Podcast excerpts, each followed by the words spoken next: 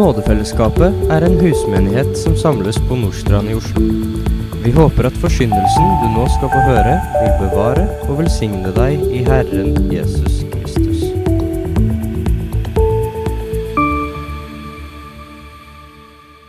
Kjære Herre, vi takker deg for den teksten vi skal få lov til å gå gjennom i dag.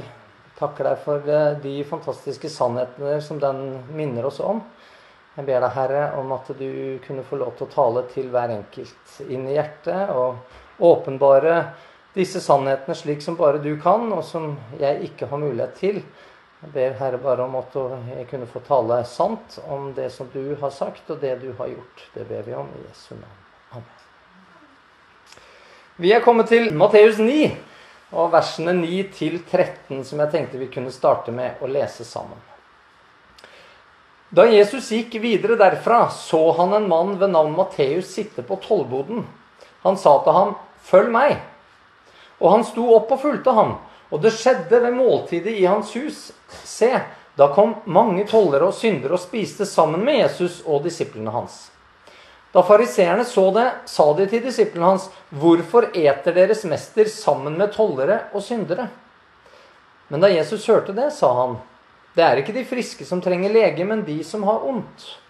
Gå bort og lær hva dette betyr. Barmhjertighet er det jeg vil ha, ikke offer.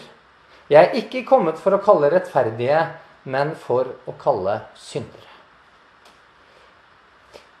Her har vi jo kommet til det stedet i Matteusevangeliet hvor han faktisk må begynne å skrive om seg selv.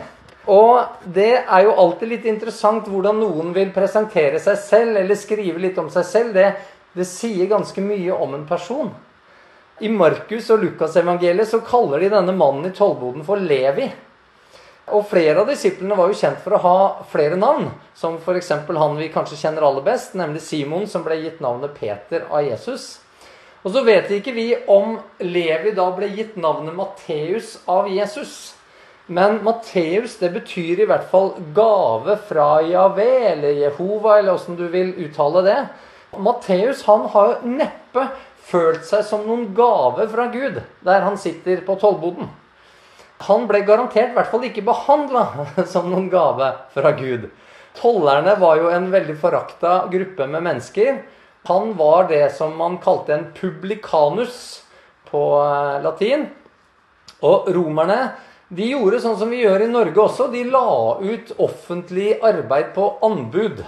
Og I Norge så gjør vi det der en god del, og det er veldig mye politisk uenighet om hva som skal legges ut på anbud. Noen vil gjerne at alt mulig skal legges ut, til, så private kan ha mulighet til å gjøre det. Mens andre gjerne vil at staten sine egne bedrifter og kommunen sine egne organisasjoner skal gjøre det aller meste.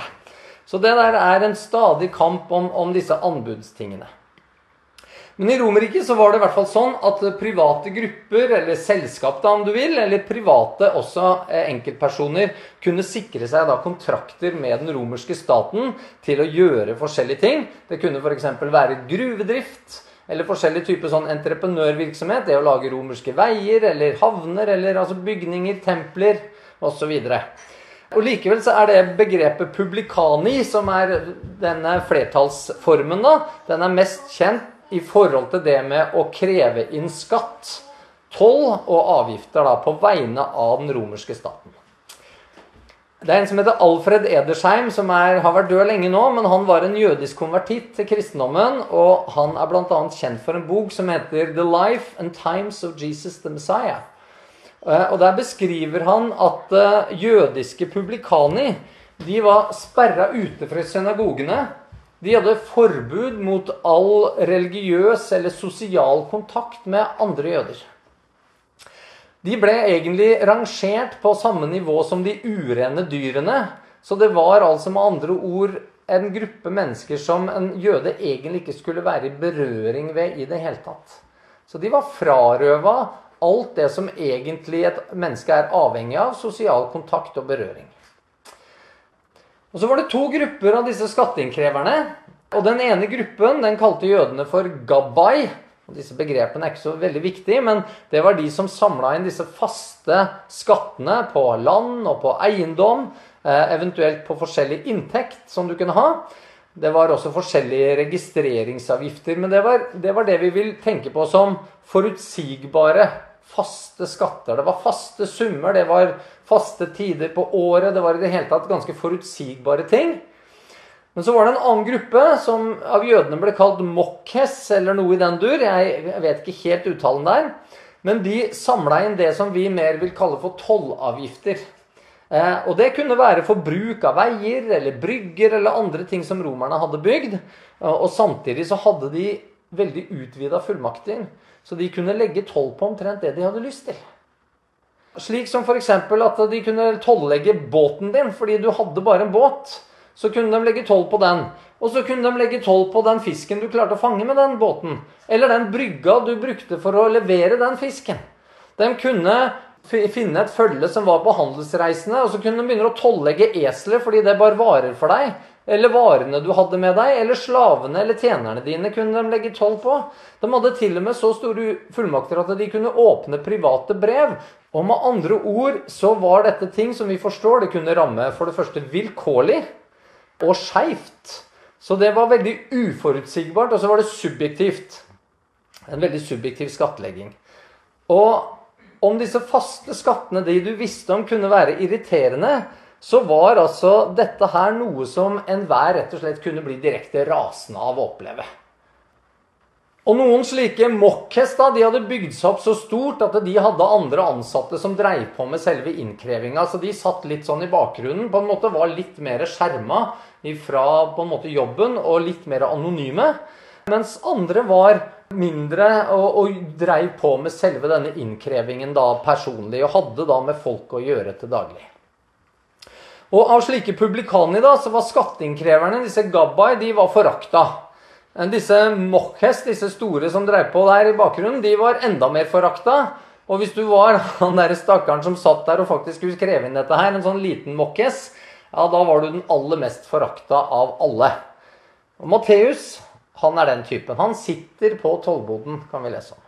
Han var altså den laveste av de lave, den mest forakta av de forakta.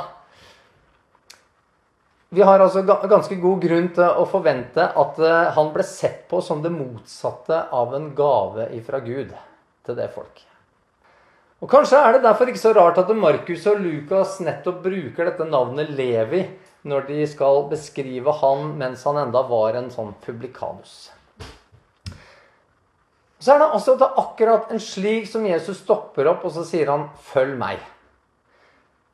Og Siden Matteus han satt i tollboden i Kapernaum, så må han ha fått med seg veldig mye av det som hadde skjedd rundt Jesus. Veldig mye av det Jesus hadde gjort. Han hadde sikkert hørt snakket, og han hadde kanskje til og med sett en del av disse tingene selv. Så han har altså helt sikkert hatt kjennskap til Jesus før det som skjer akkurat denne dagen. Og Samtidig så vet vi jo at Jesus han fordømmer jo hele byen Kapernaum fordi at på tross av at de så og hørte alle disse tingene, så trodde de jo ikke. Så Sånn sett kan vi jo si at Matteus, på tross av at han så og hadde hørt, så var det jo ingen garanti for at det i seg selv skulle være noe som gjorde at han skulle respondere spesielt positivt til det som Jesus sa. Og Det vet vi også fordi at for noen uker siden så leste vi om den disippelen fra Kapernaum som, som ba Jesus om å slippe å få bli med over Genesaret. Fordi at Hvis han måtte bli med Jesus ut på en sånn lengre reise over sjøen, og sånn, så ville det ta han bort fra eh, familiebedriften. Han, altså, han, ville miste lønn, og han kunne i verste fall risikere å miste hele arven sin. Så han måtte altså forsake den jordiske lønna. Og denne disippelen han ville gjerne høre Jesus til og henge rundt han når han kom tilbake igjen. Men han var altså ikke villig til å ofre noen ting for å følge Jesus. Og nå er det jo da Matteus som står overfor akkurat det her valget. Han visste jo det at hvis han brøt denne her anbudskontrakten som han hadde med romerne, så ville han aldri få en ny mulighet. Romerne de holdt nøye oversikt og kontroll på sånne ting. Så hvis du var en sånn, du brøyt disse kontraktene med romerne, da var du persona non grata i det systemet der. Det betyr at han ville også forsake da dette livet der alle materielle behov var dekka. Ja, de var til og med sikra for framtida. Og alternativene til Matteus, hvis du begynner å tenke på de, de var eh, hva skal vi si, små eller ikke-eksisterende. For som en sånn mokkhes så ville han aldri bli godtatt av jødene, i hvert fall. Han hadde altså ikke noe forventning om at han kunne bli noe særlig innafor det jødiske, eller at han hadde noen karrieremuligheter der.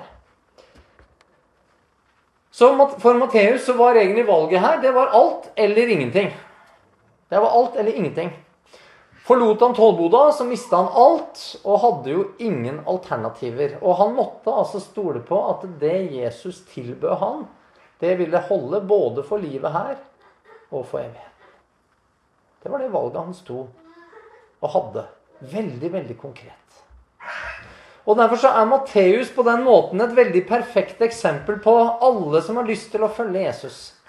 For så lenge en er en del av denne verden, er i forbund med romerne da, i overført betydning, så vil du eh, bli godtatt. Du, du, vil ha store muligheter. Du kan søke penger, du kan søke makt, du kan søke berømmelse og ære. Og om du får det, så vil verden hylle deg, ja, den vil forgude deg, den vil henge deg opp på veggen, og den vil gå på konsertene dine, og i det hele tatt, den, den vil være der for deg på alle vis. Mange religiøse vil jo, hvis du er den type menneske da, som er, er, i forbund med romerne i denne verden, de vil jo rakke litt ned på deg, kanskje. De vil forakte deg litt og se litt ned på deg tenke at uff, han der materialistiske fyren der, han, å nei, han er ikke noe særlig fess'. De, de vil tenke sånn om deg. Og vil en følge Jesus, så blir verden en fiende, sier Jakobs brev. Og i Johannes 15 så forteller Jesus at verden vil hate den som følger ham. Og det hatet det vil en jo føle fra det sekulære, fra romerne, da, om du, om du vil. For du har brutt kontrakten, du nå, nemlig. Hvis du følger Jesus. Da lever du ikke lenger for det overfladiske, for det materielle og det naturalistiske. Du, er, du avslører nå i stedet den tomheten som ligger i det. Så Romerriket blir din fiende med en gang. Men forakten fra det religiøse vil ikke nødvendigvis avta noen som helst hvis du følger Jesus. Det kan heller snarere bli styrka. Hatet fra jødene da, i overført betydning. Hatet fra det religiøse, fra de som hevder å være assosiert med Gud. Og det kan være på forskjellig vis, enten det er folk som er assosiert med Gud via islam, eller hinduisme, eller ortodokse jøder, eller også mennesker som vil kalle seg kristne. Det hatet vil sannsynligvis oppleves sterkere enn før. Hvis du velger å følge Jesus. I 2. Timoteus brev 3,12 så skriver jo Paulus da at alle som vil leve gudfryktig i Kristus Jesus, skal bli forfulgt. Alle er alle. Og denne virkeligheten, det er nettopp denne virkeligheten som Matteus så ufattelig godt kjenner på. Han, han lever midt i akkurat det. Og det gjør at det valget han blir stilt overfor denne dagen, det er ikke noe vi kan trivialisere. Det er ikke, det er ikke et enkelt valg på noe som helst måte. Og så begynner Matteus, han, han, skriver ydmykt og veldig nøkternt om seg selv. Han, han, kjenner sin plass, og så bruker han ikke store ord i det hele tatt. Han, han har forstått det, at det, det, valget han tar, gir ikke han noe ære på noe som helst vis. Og hva skulle i så fall være ærefullt med det? Han skal jo bare svare på et kall som han har fått. Det er ikke Matteus som av egen fri vilje gir seg selv mulighet til å velge. Det er ikke det som skjer her.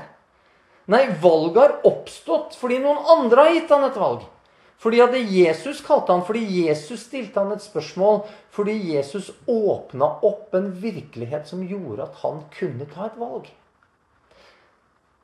Og Matteus ble kalt av Gud på samme måte som han også kaller på deg, og gir deg mulighet da til å ta et valg. Ja, slik Gud generelt kaller alle mennesker til et valg. Og ingen kan da sette sin ære i det svaret en gir på det spørsmålet. Uansett hva det medfører, eller hvilken posisjon du blir kalt inn i. Eller uansett hva det vil koste deg. Det er ikke slik at hvis det kosta deg veldig mye å bli kristen, så er det plutselig større ære at du svarte ja til å følge Jesus. Og ingen kan heller sette sin ære i at de faktisk blir spurt. Spørsmålet gjelder jo tross alt alle mennesker. Og I Apostlenes gjerninger 1730 så sier den at Gud befaler alle mennesker, alle steder, at de skal omvende seg. Og det er jo helt uavhengig av de menneskene sine prestasjoner eller gjerninger. Og også her så er Matteus altså en veldig god illustrasjon. Fordi han har jo en kontrakt med fienden. Han, han tjener penger på å utbytte Guds folk, om du vil. Han er utestengt fra all religiøs aktivitet. Han er utestengt fra muligheten til å til og med høre forkynnelse. Hans, hans liv og alle hans gjerninger de vitner fullstendig imot ham på alle vis. Og Likevel så er det altså at Jesus han bryter alle konvensjoner, alle sosiale normer og kultur, og så stopper han opp akkurat der, og så begynner han å snakke med Matteus. Og så gir han Matteus mulighet til å ta et valg. Og det ville ikke altså falle Matteus inn og si Hei, se på meg, liksom. Jesus stopper her og snakker med meg. Som om, om han var spesiell. Men så er det tross alt stillingen som apostel som han blir spurt om å ha. En stilling som innebærer en viss ære i all evighet, faktisk. Det som er spesielt her, det er at kallet fra en fullkommen, fra en hellig Gud, også nådde til ham. Som sitter der i en tollbod, i en helt ubetydelig del av Israel, i en avkrok av det store romerske riket. At den evige Gud ville ha med Levi å gjøre. Paulus han oppsummerer det slik i Titus 3, vers 4 og 5. Men da Guds, vår frelsers godhet og kjærlighet til menneskene ble åpenbart, frelste han oss ikke på grunn av rettferdige gjerninger som vi hadde gjort men etter sin miskunn. Ofte så kjenner jeg på at jeg ikke er verdig. Og jeg tenker ofte på at hvordan i all verden skal Gud kunne bruke meg? Og Kanskje har du også tenkt det sånn noen ganger. Hvorfor skal Gud kalle meg til noe som helst? Hvorfor skulle Gud ville ha med meg å gjøre? Og så kommer altså denne korte historien i Matteus 9, og så sier den ja! Jesus vil ha med deg å gjøre. Han vil kalle deg ut av denne tollboden, ut av arbeidet for fienden, ut av det ødeleggende som du er en del av i forhold til andre mennesker. Ut av forakten som du kanskje kan kjenne på fra deg selv i forhold til deg selv, eller den forakten som du kjenner fra andre mennesker så sier Jesus også til deg i dag 'Følg meg'. Så er det et spørsmål. Du, du kan velge. Men jeg tror også at du hører her at uh, dette spørsmålet det kommer i en sånn Det kommer med autoritet. Det, det kommer i en veldig bydende form. Ja, for Gud han befaler jo alle mennesker å omvende seg. Og så er det fordi han spør som herre over alt det naturlige, alt det åndelige, over alt som eksisterer. Ja, han har til og med vunnet herredømme over den virkelighet som ondskap har ført til at eksisterer. Og Matteus han skriver nøkternt, nøkternt da, at eh, han sto opp og fulgte ham. Det, det er en nøktern beskrivelse, må man kunne si. Han utbroderer altså ingenting rundt sin egen historie. Fokuset det ligger veldig tydelig på Jesus og det han gjorde. Men Lukas han legger til noen ord som beskriver altså konsekvensene av det valget som Matteus måtte ta. Ja, Hvilke konsekvenser et slikt valg må få for alle som vil følge Jesus? For Lukas han skriver han forlot alt og sto opp og fulgte han. Og det at Matteus ikke tar med det, vitner noe om Matteus sin karakter og hans ydmykhet. Og den sanne etterfølgelse det krever jo at en forlater alt. Bibelen snakker om det og bruker et sånt uttrykk det om at en må dø fra seg selv. Eh, sitt gamle liv, sine gamle vaner, gamle ting. Det er i det hele tatt en måte at man må kvitte seg med alt det som hindrer en i å følge Jesus, i å vandre etter ham. Det kan være forskjellig i forskjellige menneskers liv. Det betyr ikke at man må kvitte seg med absolutt alt man eier, slutte med alle venner man har, eller i det hele tatt at absolutt alt må forandres. Men for en god del mennesker så krever det altså mye. En må forlate på mange måter alt av det som man før hadde i sitt gamle liv. Jeg tror for en del kristne så er det å slippe tak i dette vanskelig. Men når det skapes en slik sann etterfølgelse av Jesus, så skjer det noe i et menneskes liv. Og det ser vi veldig kort beskrevet i dagens tekst. Og igjen sa Matteus, han er veldig ydmyk, og så skriver han Og det skjedde ved måltidet i hans hus. Se, da kom mange toller og syndere og spiste sammen med Jesus og disiplene hans. Igjen veldig, veldig nøkternt beskrevet. En kan få liksom inntrykk av at Matteus han, han, Ja, kan ikke du, Jesus, stikke over for en liten matbit hjemme hos meg etterpå? Litt enkelt måltid der. Og, og tilfeldigvis så dukker det opp en del venner av, av, av, de der som er litt interessert i å, å, å bli kjent med Jesus. Det er, det er, på en måte sånn Matteus beskriver det. Men hva er det som kjennetegner en som i sannhet har begynt å følge Jesus? Jo, en, en vil åpne livet sitt for ham. En vil åpne sitt hjem for han. Jo, det det er selvsagt. En vil også gjerne bruke tid med Jesus. En inviterer ham ikke bare til ett måltid. Nei, til ethvert måltid. I hvert fall så er det sånn for mange kristne at de ber eller de synger og inviterer Jesus inn til ethvert måltid. Men igjen så er det Lukas som gjør at vi forstår hva det er som egentlig skjer her. Han skriver Levi gjorde så et stort gjestebud for ham hjemme i sitt hus. Og det var en stor mengde tollere og andre som lå til bords med dem.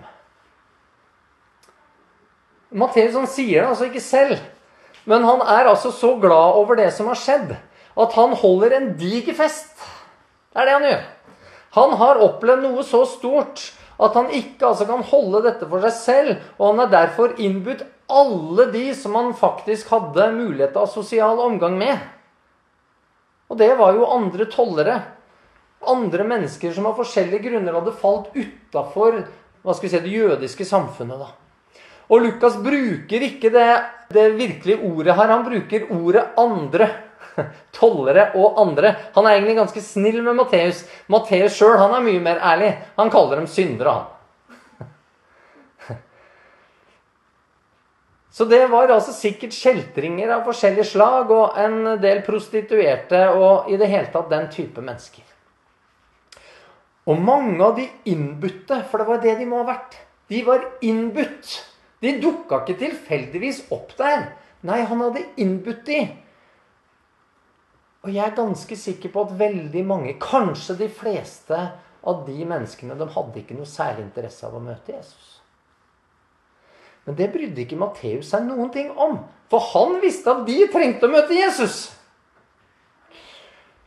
Mange av de var der helt sikkert kun for festen sin skyld eller for maten sin skyld. Og en god del, hvis jeg kjenner den type menneskerett, var der helt sikkert for drikken sin skyld òg.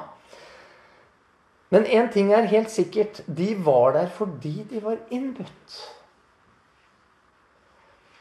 Og han som innbødte festen, han var i anførsel da ikke blitt så kristen at han nå var redd for å assosiere seg med de her. Og det var jo fordi at han visste at han var en sånn selv. Og så er jeg en sånn selv. En som må kategoriseres som en synder og Likevel så har altså Jesus lovet å være med oss nå på denne gudstjenesten. Men så er spørsmålet om du og jeg har vært like frimodige som Matteus til å invitere mennesker som kanskje ikke er så veldig interessert i å møte Jesus i dag. Kanskje er vi redd for å fremstå med slike som andre ser ned på. Med syndere og prostituerte og sånn. Og redde for at verden dermed skal forakte oss. Og det burde vi jo ikke være dersom vi har forstått hvem vi selv var når Gud kalte oss. Ja, hvem vi selv er nå. I kjødet eller i vårt gamle menneske, på tross av altså dette nye som har fått lov til å begynne å vokse hos den som tror. Matteus han hadde forlatt alt og hadde ikke mer å miste. Hva skulle han egentlig være redd for? Og Det vitner litt om hvor viktig det er det å gi slipp på dette gamle. Muligheten for penger, muligheten for makt, det var borte. Ryktet til Matteus det var jo allerede ødelagt. Så nå var det bare Jesus som gjaldt. Og Matteus hadde altså funnet den sanne frihet og den sanne gleden i ham. Og jeg tror Matteus lenge hadde lurt på dette med Jesus. Han, han må ha gått og kverna med, med, med, mange spørsmål en god stund. Eh, han, han, har helt sikkert sittet der på tollboden, og så har han sittet og vurdert livet sitt. Og så har han begynt å se og tørre å se på virkeligheten. Både om seg selv og om det rundt seg. Og så har han begynt å forstå hvilken tilstand, hvilken situasjon han er i. Så Matteus har forstått mye, han, der han sitter. Og han må ha kommet til en konklusjon, og det er at hans eneste håp, det var å følge Jesus. Men hvordan i all verden kunne han begynne å handle på det han nå hadde forstått? For jeg vil tro at følelsen av å være uverdig, den må ha vært ekstremt sterk. Spesielt hos en som han. Tenk om Jesus ikke ville ha noe med han å gjøre. Og Derfor er det så godt at Jesus han vet hva som bevega seg inni tankene til Matteus. Han visste også hva som bevega seg i tankene til Sakkeus. Og Det er derfor han da også stopper opp på en spesiell måte ved det morbærtreet. Og så stopper han opp spesielt ved denne tollboden. Og så vil han fortsette å stoppe opp hos alle de menneskene som tenker slike type tanker. Derfor så beveger Jesus seg også rundt i dag, og så stopper han opp mennesker, og så spør han Vil du følge meg? Og kanskje er du som hører på en som henger litt rundt der hvor Jesus nevnes. Du henger litt rundt der hvor Jesus ferdes. Og slik var det i Kapernaum også. Det var noen som hang litt rundt, kan du si. Og de, de syntes å være litt bedre enn de andre. De var litt mer tenkende mennesker. De var ikke så godtroende, og de, de kunne stille kritiske spørsmål. Og jeg har lurt litt på hvorfor henger slike folk rundt Jesus? når de åpenbart ikke vil tro på det han sier? Hvorfor har de behov for å gå rundt og kverulere eller, eller latterliggjøre dem som faktisk tror? Hvorfor vil slike mennesker henge rundt det kristne? Altså, Hvorfor vil flere av de til og med bli prester og biskoper, pastorer og såkalt skriftlærde? Hvorfor i all verden vil de det? Og så møter vi dem i dagens tekst. Hva driver de egentlig på med? Hvorfor henger de rundt huset til Matteus? Jeg tror det er fordi at Matteus han hadde ikke bare invitert disse her synderne og tollerne. Han hadde helt sikkert invitert hele byen. han. Alle visste hva som skulle skje der. Men for mange så var det jo ikke aktuelt å gå. Fordi det var jo Matteus som inviterte. Og jeg mener, vi kan jo ikke omgå sånne folk. Men så er det altså de som går rundt og lærer alle andre at dere må ikke henge med sånne, som er de som henger rundt det huset. Forstå det, den som kan. Det er i det hele tatt vanskelig å forstå hva det er som driver sånn. De vil jo ikke ha med slike mennesker å gjøre. Og likevel henger de rundt der akkurat som om de er misunnelige på et eller annet. Og, og, de har et voldsomt behov for å kritisere det som skjer der hvor Jesus får virke, og de menneskene som Jesus virker igjennom. Og så hevder de å være så moralske og så, så åndelige. Noen gjør det ved å leve etter strenge regler og, og fordømme de Jesus som viser nåde til, mens andre er veldig tolerante og kjærlige og godtar det som Jesus fordømmer. Og noen slike religiøse spør altså Hvorfor eter deres mester sammen med toller og syndere? De prøver altså å stille Jesu disipler til veggs. Og det er jo gjerne mye lettere enn å måtte forholde seg til det Jesus sier selv. Altså, en ung og utrent disippel Det skal liksom ikke så mye til for å vippe en sånn av pinnen. Og da kan man jo føle seg veldig flink og veldig akademisk etterpå. Og, og, og, og føle at glorien er intakt. Og ja, tenk om, tenk om det er den eneste den disippelen klarer å gjøre, er å sitere hva Jesus har sagt. Eller øh, vitne om hva Jesus har gjort. Ja, da er han jo virkelig en taper. Han burde jo tross alt kunne sitere en god del teologer og en god del filosofer og, og, og begrunne sitt syn, liksom. Og Samtidig så synes disse religiøse å være rett og slett altfor pysete til å ta det opp med Jesus selv. De er jo ikke der hvor Jesus er, og de vil ikke forholde seg til det som faktisk står i Bibelen. Jo da, de er seg selv like akkurat da, sånn som nå. Og spørsmålet slike stiller kommer jo ikke av en genuin interesse for å få noe svar. For svaret mener de jo allerede å ha selv. Nei, de spør for å sverte, for å trykke ned, for å stille i forlegenhet og for å hevde seg selv.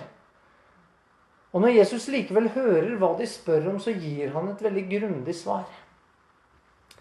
Og så svarer Jesus på tre måter, og så bruker han hva skal vi si, tre virkemidler. Og I det første svaret så bruker Jesus bare god gammeldags logikk. Det er altså mulig for kristne å være logiske. Det er ikke de friske som trenger lege, men de som har ondt. Altså, En skulle jo tro at disse Abrahams barn hadde glemt at de selv var de laveste av de lave en gang. At de var slaver i Egypt. De var ulærde og barbariske på alle vis. Når du ser dem driver med sexleker rundt eh, liksom denne kalven ute i ørkenen der og, og holder på, da er det ikke akkurat høykultur. Nei, Likevel så hadde altså Gud tatt seg av dem og så ført dem ut fra slaveriet og så utvist godhet og nåde. At de var syke, det hadde Gud vist veldig tydelig. At de trengte en lege. Det vitner hele Det gamle testamentet om. Men så synes de å ha glemt at de hvert år på den store forsoningsdagen fortsatt måtte renses fra skyld. Og at de gjennom de faste ofringene stadig måtte forsones med Gud. Og nå var de jo okkupert av romerne. De var jo ikke herre i sitt eget hus engang. Og likevel altså, så er de helt blinde for hele virkeligheten. For hele historien. For alt det som hele den skriften som noen av de kunne utenat, handla om. De klarte altså ikke å se sin egen sykdom. Og så skjønner jeg det jo. For jeg syns det er så lett å falle ned i akkurat denne samme grøfta selv. Det er så lett å glemme hva jeg er kalt ut ifra. Og så begynne å se ned på dem som fortsatt er slaver av forskjellige lyster. Av forskjellige ting som binder de. Og så har det alltid vært lettere for mennesker som er fordømt av andre mennesker, å se sin egen sykdom. For dem som ikke er store i egne øyne. og Derfor så sier jo Bibelen i 1. Korinteren 1,26.: Ikke mange vise etter kjødet ble kalt. Ikke mange mektige, ikke mange av høy ett. Da er det bare greit å være klar over at når Paulus bruker ordet 'kaldt' her, så er det en annen type betydning av ordet 'kaldt' enn det som vi finner bl.a. hos Matteus, og som Jesus bruker en del ganger. Her er det et mer spesielt kall det er snakk om, mens det generelle kallet som gjelder alle mennesker, er også brukt i ordet 'kaldt'. Så man er klar over. Men tolleren i tempelet han var klar over sin tilstand. Han, og han gikk derfor rettferdig bort, mens fariseeren, som trodde han var rettferdig ved sine gjerninger, han var jo da ikke rettferdig for Gud fordi han ikke lot Gud få være hans lege. Han var altfor smart, eller han trodde han visste bedre, eller hva det nå enn var. Og Jesus han er altså tydelig på at det er naturlig at en lege holder seg nær til pasientene sine. Det er logikken. At de som vet de trenger en lege, holder seg nær til han. Så det er jo ikke så veldig vanskelige ting. Men så fortsetter Jesus, og så begynner Jesus å bruke Guds ord. Og så sier han, 'Gå bort og lær hva dette betyr'. Denne frasen 'gå og lær' den ble i sånn rabbinsk litteratur den ble brukt for å irettesette noen. Det er sånn 'Hei, dette her burde du vite'. Gå og lær det du burde visst alt. Sånn, skjerp deg. Det er egentlig det som Jesus sier her. Gå og skjerp deg. Dette skulle du kunne alt. Gå og lær det igjen. Barmhjertighet er det jeg vil ha, ikke offer. Og Jesus han siterer her fra Hosea 6,6, der Gud sier For jeg vil ha kjærlighet, ikke slaktoffer. Guds kjennskap framfor brennoffer. Altså Du må være nær til legen. da. Du må ha jo kjennskap til han. Du må være nær til han. Men viktigere altså enn fariseernes pinlige nøyaktighet når det kommer til offer og bud og regler, det var det å vise kjærlighet. Og den fordømmende holdningen som disse folka hadde til de menneskene som Jesus nå spiste med, det var akkurat det motsatte av den barmhjertighet som Gud ønsket at de skulle vise. Ja, den barmhjertighet som Gud selv hadde vist. Fordi når Jesus nå siterte fra Hosea, så er ikke det tilfeldig, selvfølgelig. Fordi Hosea hadde altså måttet ta til seg denne prostituerte kvinnen Gomer. Og hun, hun var stadig utro mot Hosea, og likevel så tok han henne alltid tilbake igjen og viste henne barmhjertighet og godhet. Og alt dette skulle jo også minne det jødiske folk på deres egen utroskap mot Gud. Og hvordan Gud igjen og igjen viste de barmhjertighet og nåde. Og så var jo noen av de som satt med Jesus her hos Matteus, sannsynligvis prostituerte. Og så var det de som fariseerne fordømte. Og så var deres offer og fastholdelse av budene de var altså verdiløse for Gud så lenge de manglet kjærlighet og ikke viste barmhjertighet. Og så er det noen da som tar den ulogiske slutningen at men derfor så kan vi bare droppe alle budene. Vi trenger ikke å bry oss om hva Gud har sagt i sine bud. Men det har aldri vært sånn. Det er ikke slik at Gud nå anså sine bud som verdiløse. Fordi Jesus han sier til fariseerne i Lukas 11,42.: Men ved dere farisere, for dere gir tiende av mynte og rute og alle slags hagevekster, og forsømmer rettferd og kjærlighet til Gud. Dette burde gjøres, og det andre ikke lates ugjort. Så budene, ofringene, burde ikke lates ugjort. Men som også Paulus skriver i 1. Korinterne 13 om jeg gir alt det jeg eier til mat for de fattige, og om jeg gir mitt legeme til å brennes, men ikke har kjærlighet, da gagner det meg ingenting. Dersom Gud har tatt bolig i oss, så må en altså klare noe som jeg mener er umulig for mennesket å klare alene. En må altså vise barmhjertighet for andre samtidig som en brenner for sannheten. Samtidig som man er villig til å la andre bli fornærma fordi man holder fram sannheten. Slik fariseerne garantert ble fornærma når Jesus nå irettesatte de slik som han gjorde. Og henviste til Hosea, og dermed beskyldte han de jo rett og slett for å mangle kjærlighet. Ikke bare til mennesker, men også til Gud. Og så sier en kristen med Paulus i Romerne 7 at en i sitt indre menneske med glede slutter seg til Guds lov. Og så Samtidig så erkjenner man at en i sitt gamle menneske sliter med en annen lov, som strider mot Guds lov.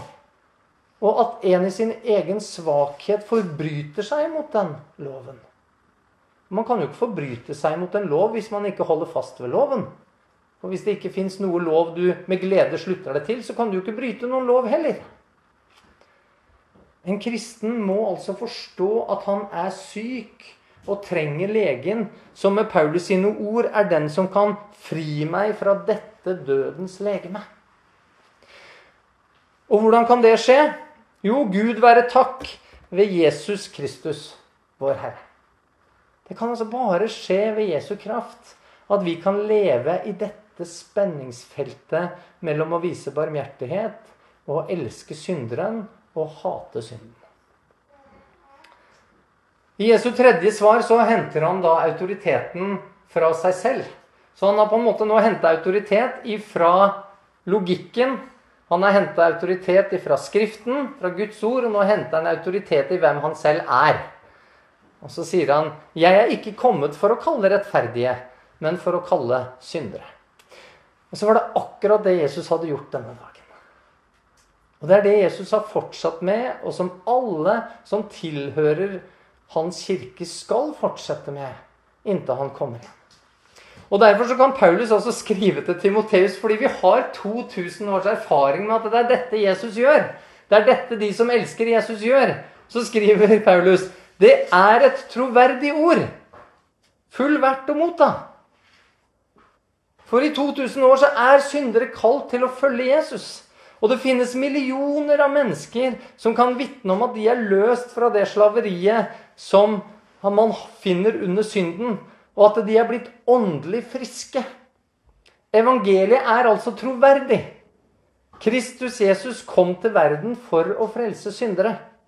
Og blant dem er jeg den største, sier Paulus. Jesus stoppa opp utenfor tollboden. Og der kalte han synderen Levi til å følge ham. Og slik ble altså han et av mange, mange eksempler på evangeliets sannhet. På Jesu ords livgivende og transformerende og gjennomgripende kraft i et menneskes liv. Så kjenner jeg helt nå til slutt på at Levi han ble Matteus. Levi ble Matteus. I sannhet en gave til oss fra Gud. På grunn av det Jesus gjorde. Kjære Jesus, vi takker deg for det du gjorde. Vi takker deg for at du stoppa opp utafor tollboden den dagen i Kapernaum vi takker deg for det vitnet som det gir om hvem du er. Eh, vi takker om det vitnet det gir til oss som kan føle oss uverdige i møte med en hellig Gud. Vi takker deg, Herre, for det vitnesbyrdet som det nå har fått være i 2000 år, og som får lov til å vitne om at Matteus, som du kalte han, skrev hele dette evangeliet som vi nå bruker søndag etter søndag etter søndag på å gå igjennom og lytte til hva han skrev. Lytte til Jesu ord. Og i sannhet, ja, han ble en gave fra deg til oss. Det takker vi deg for i Jesu navn. Amen.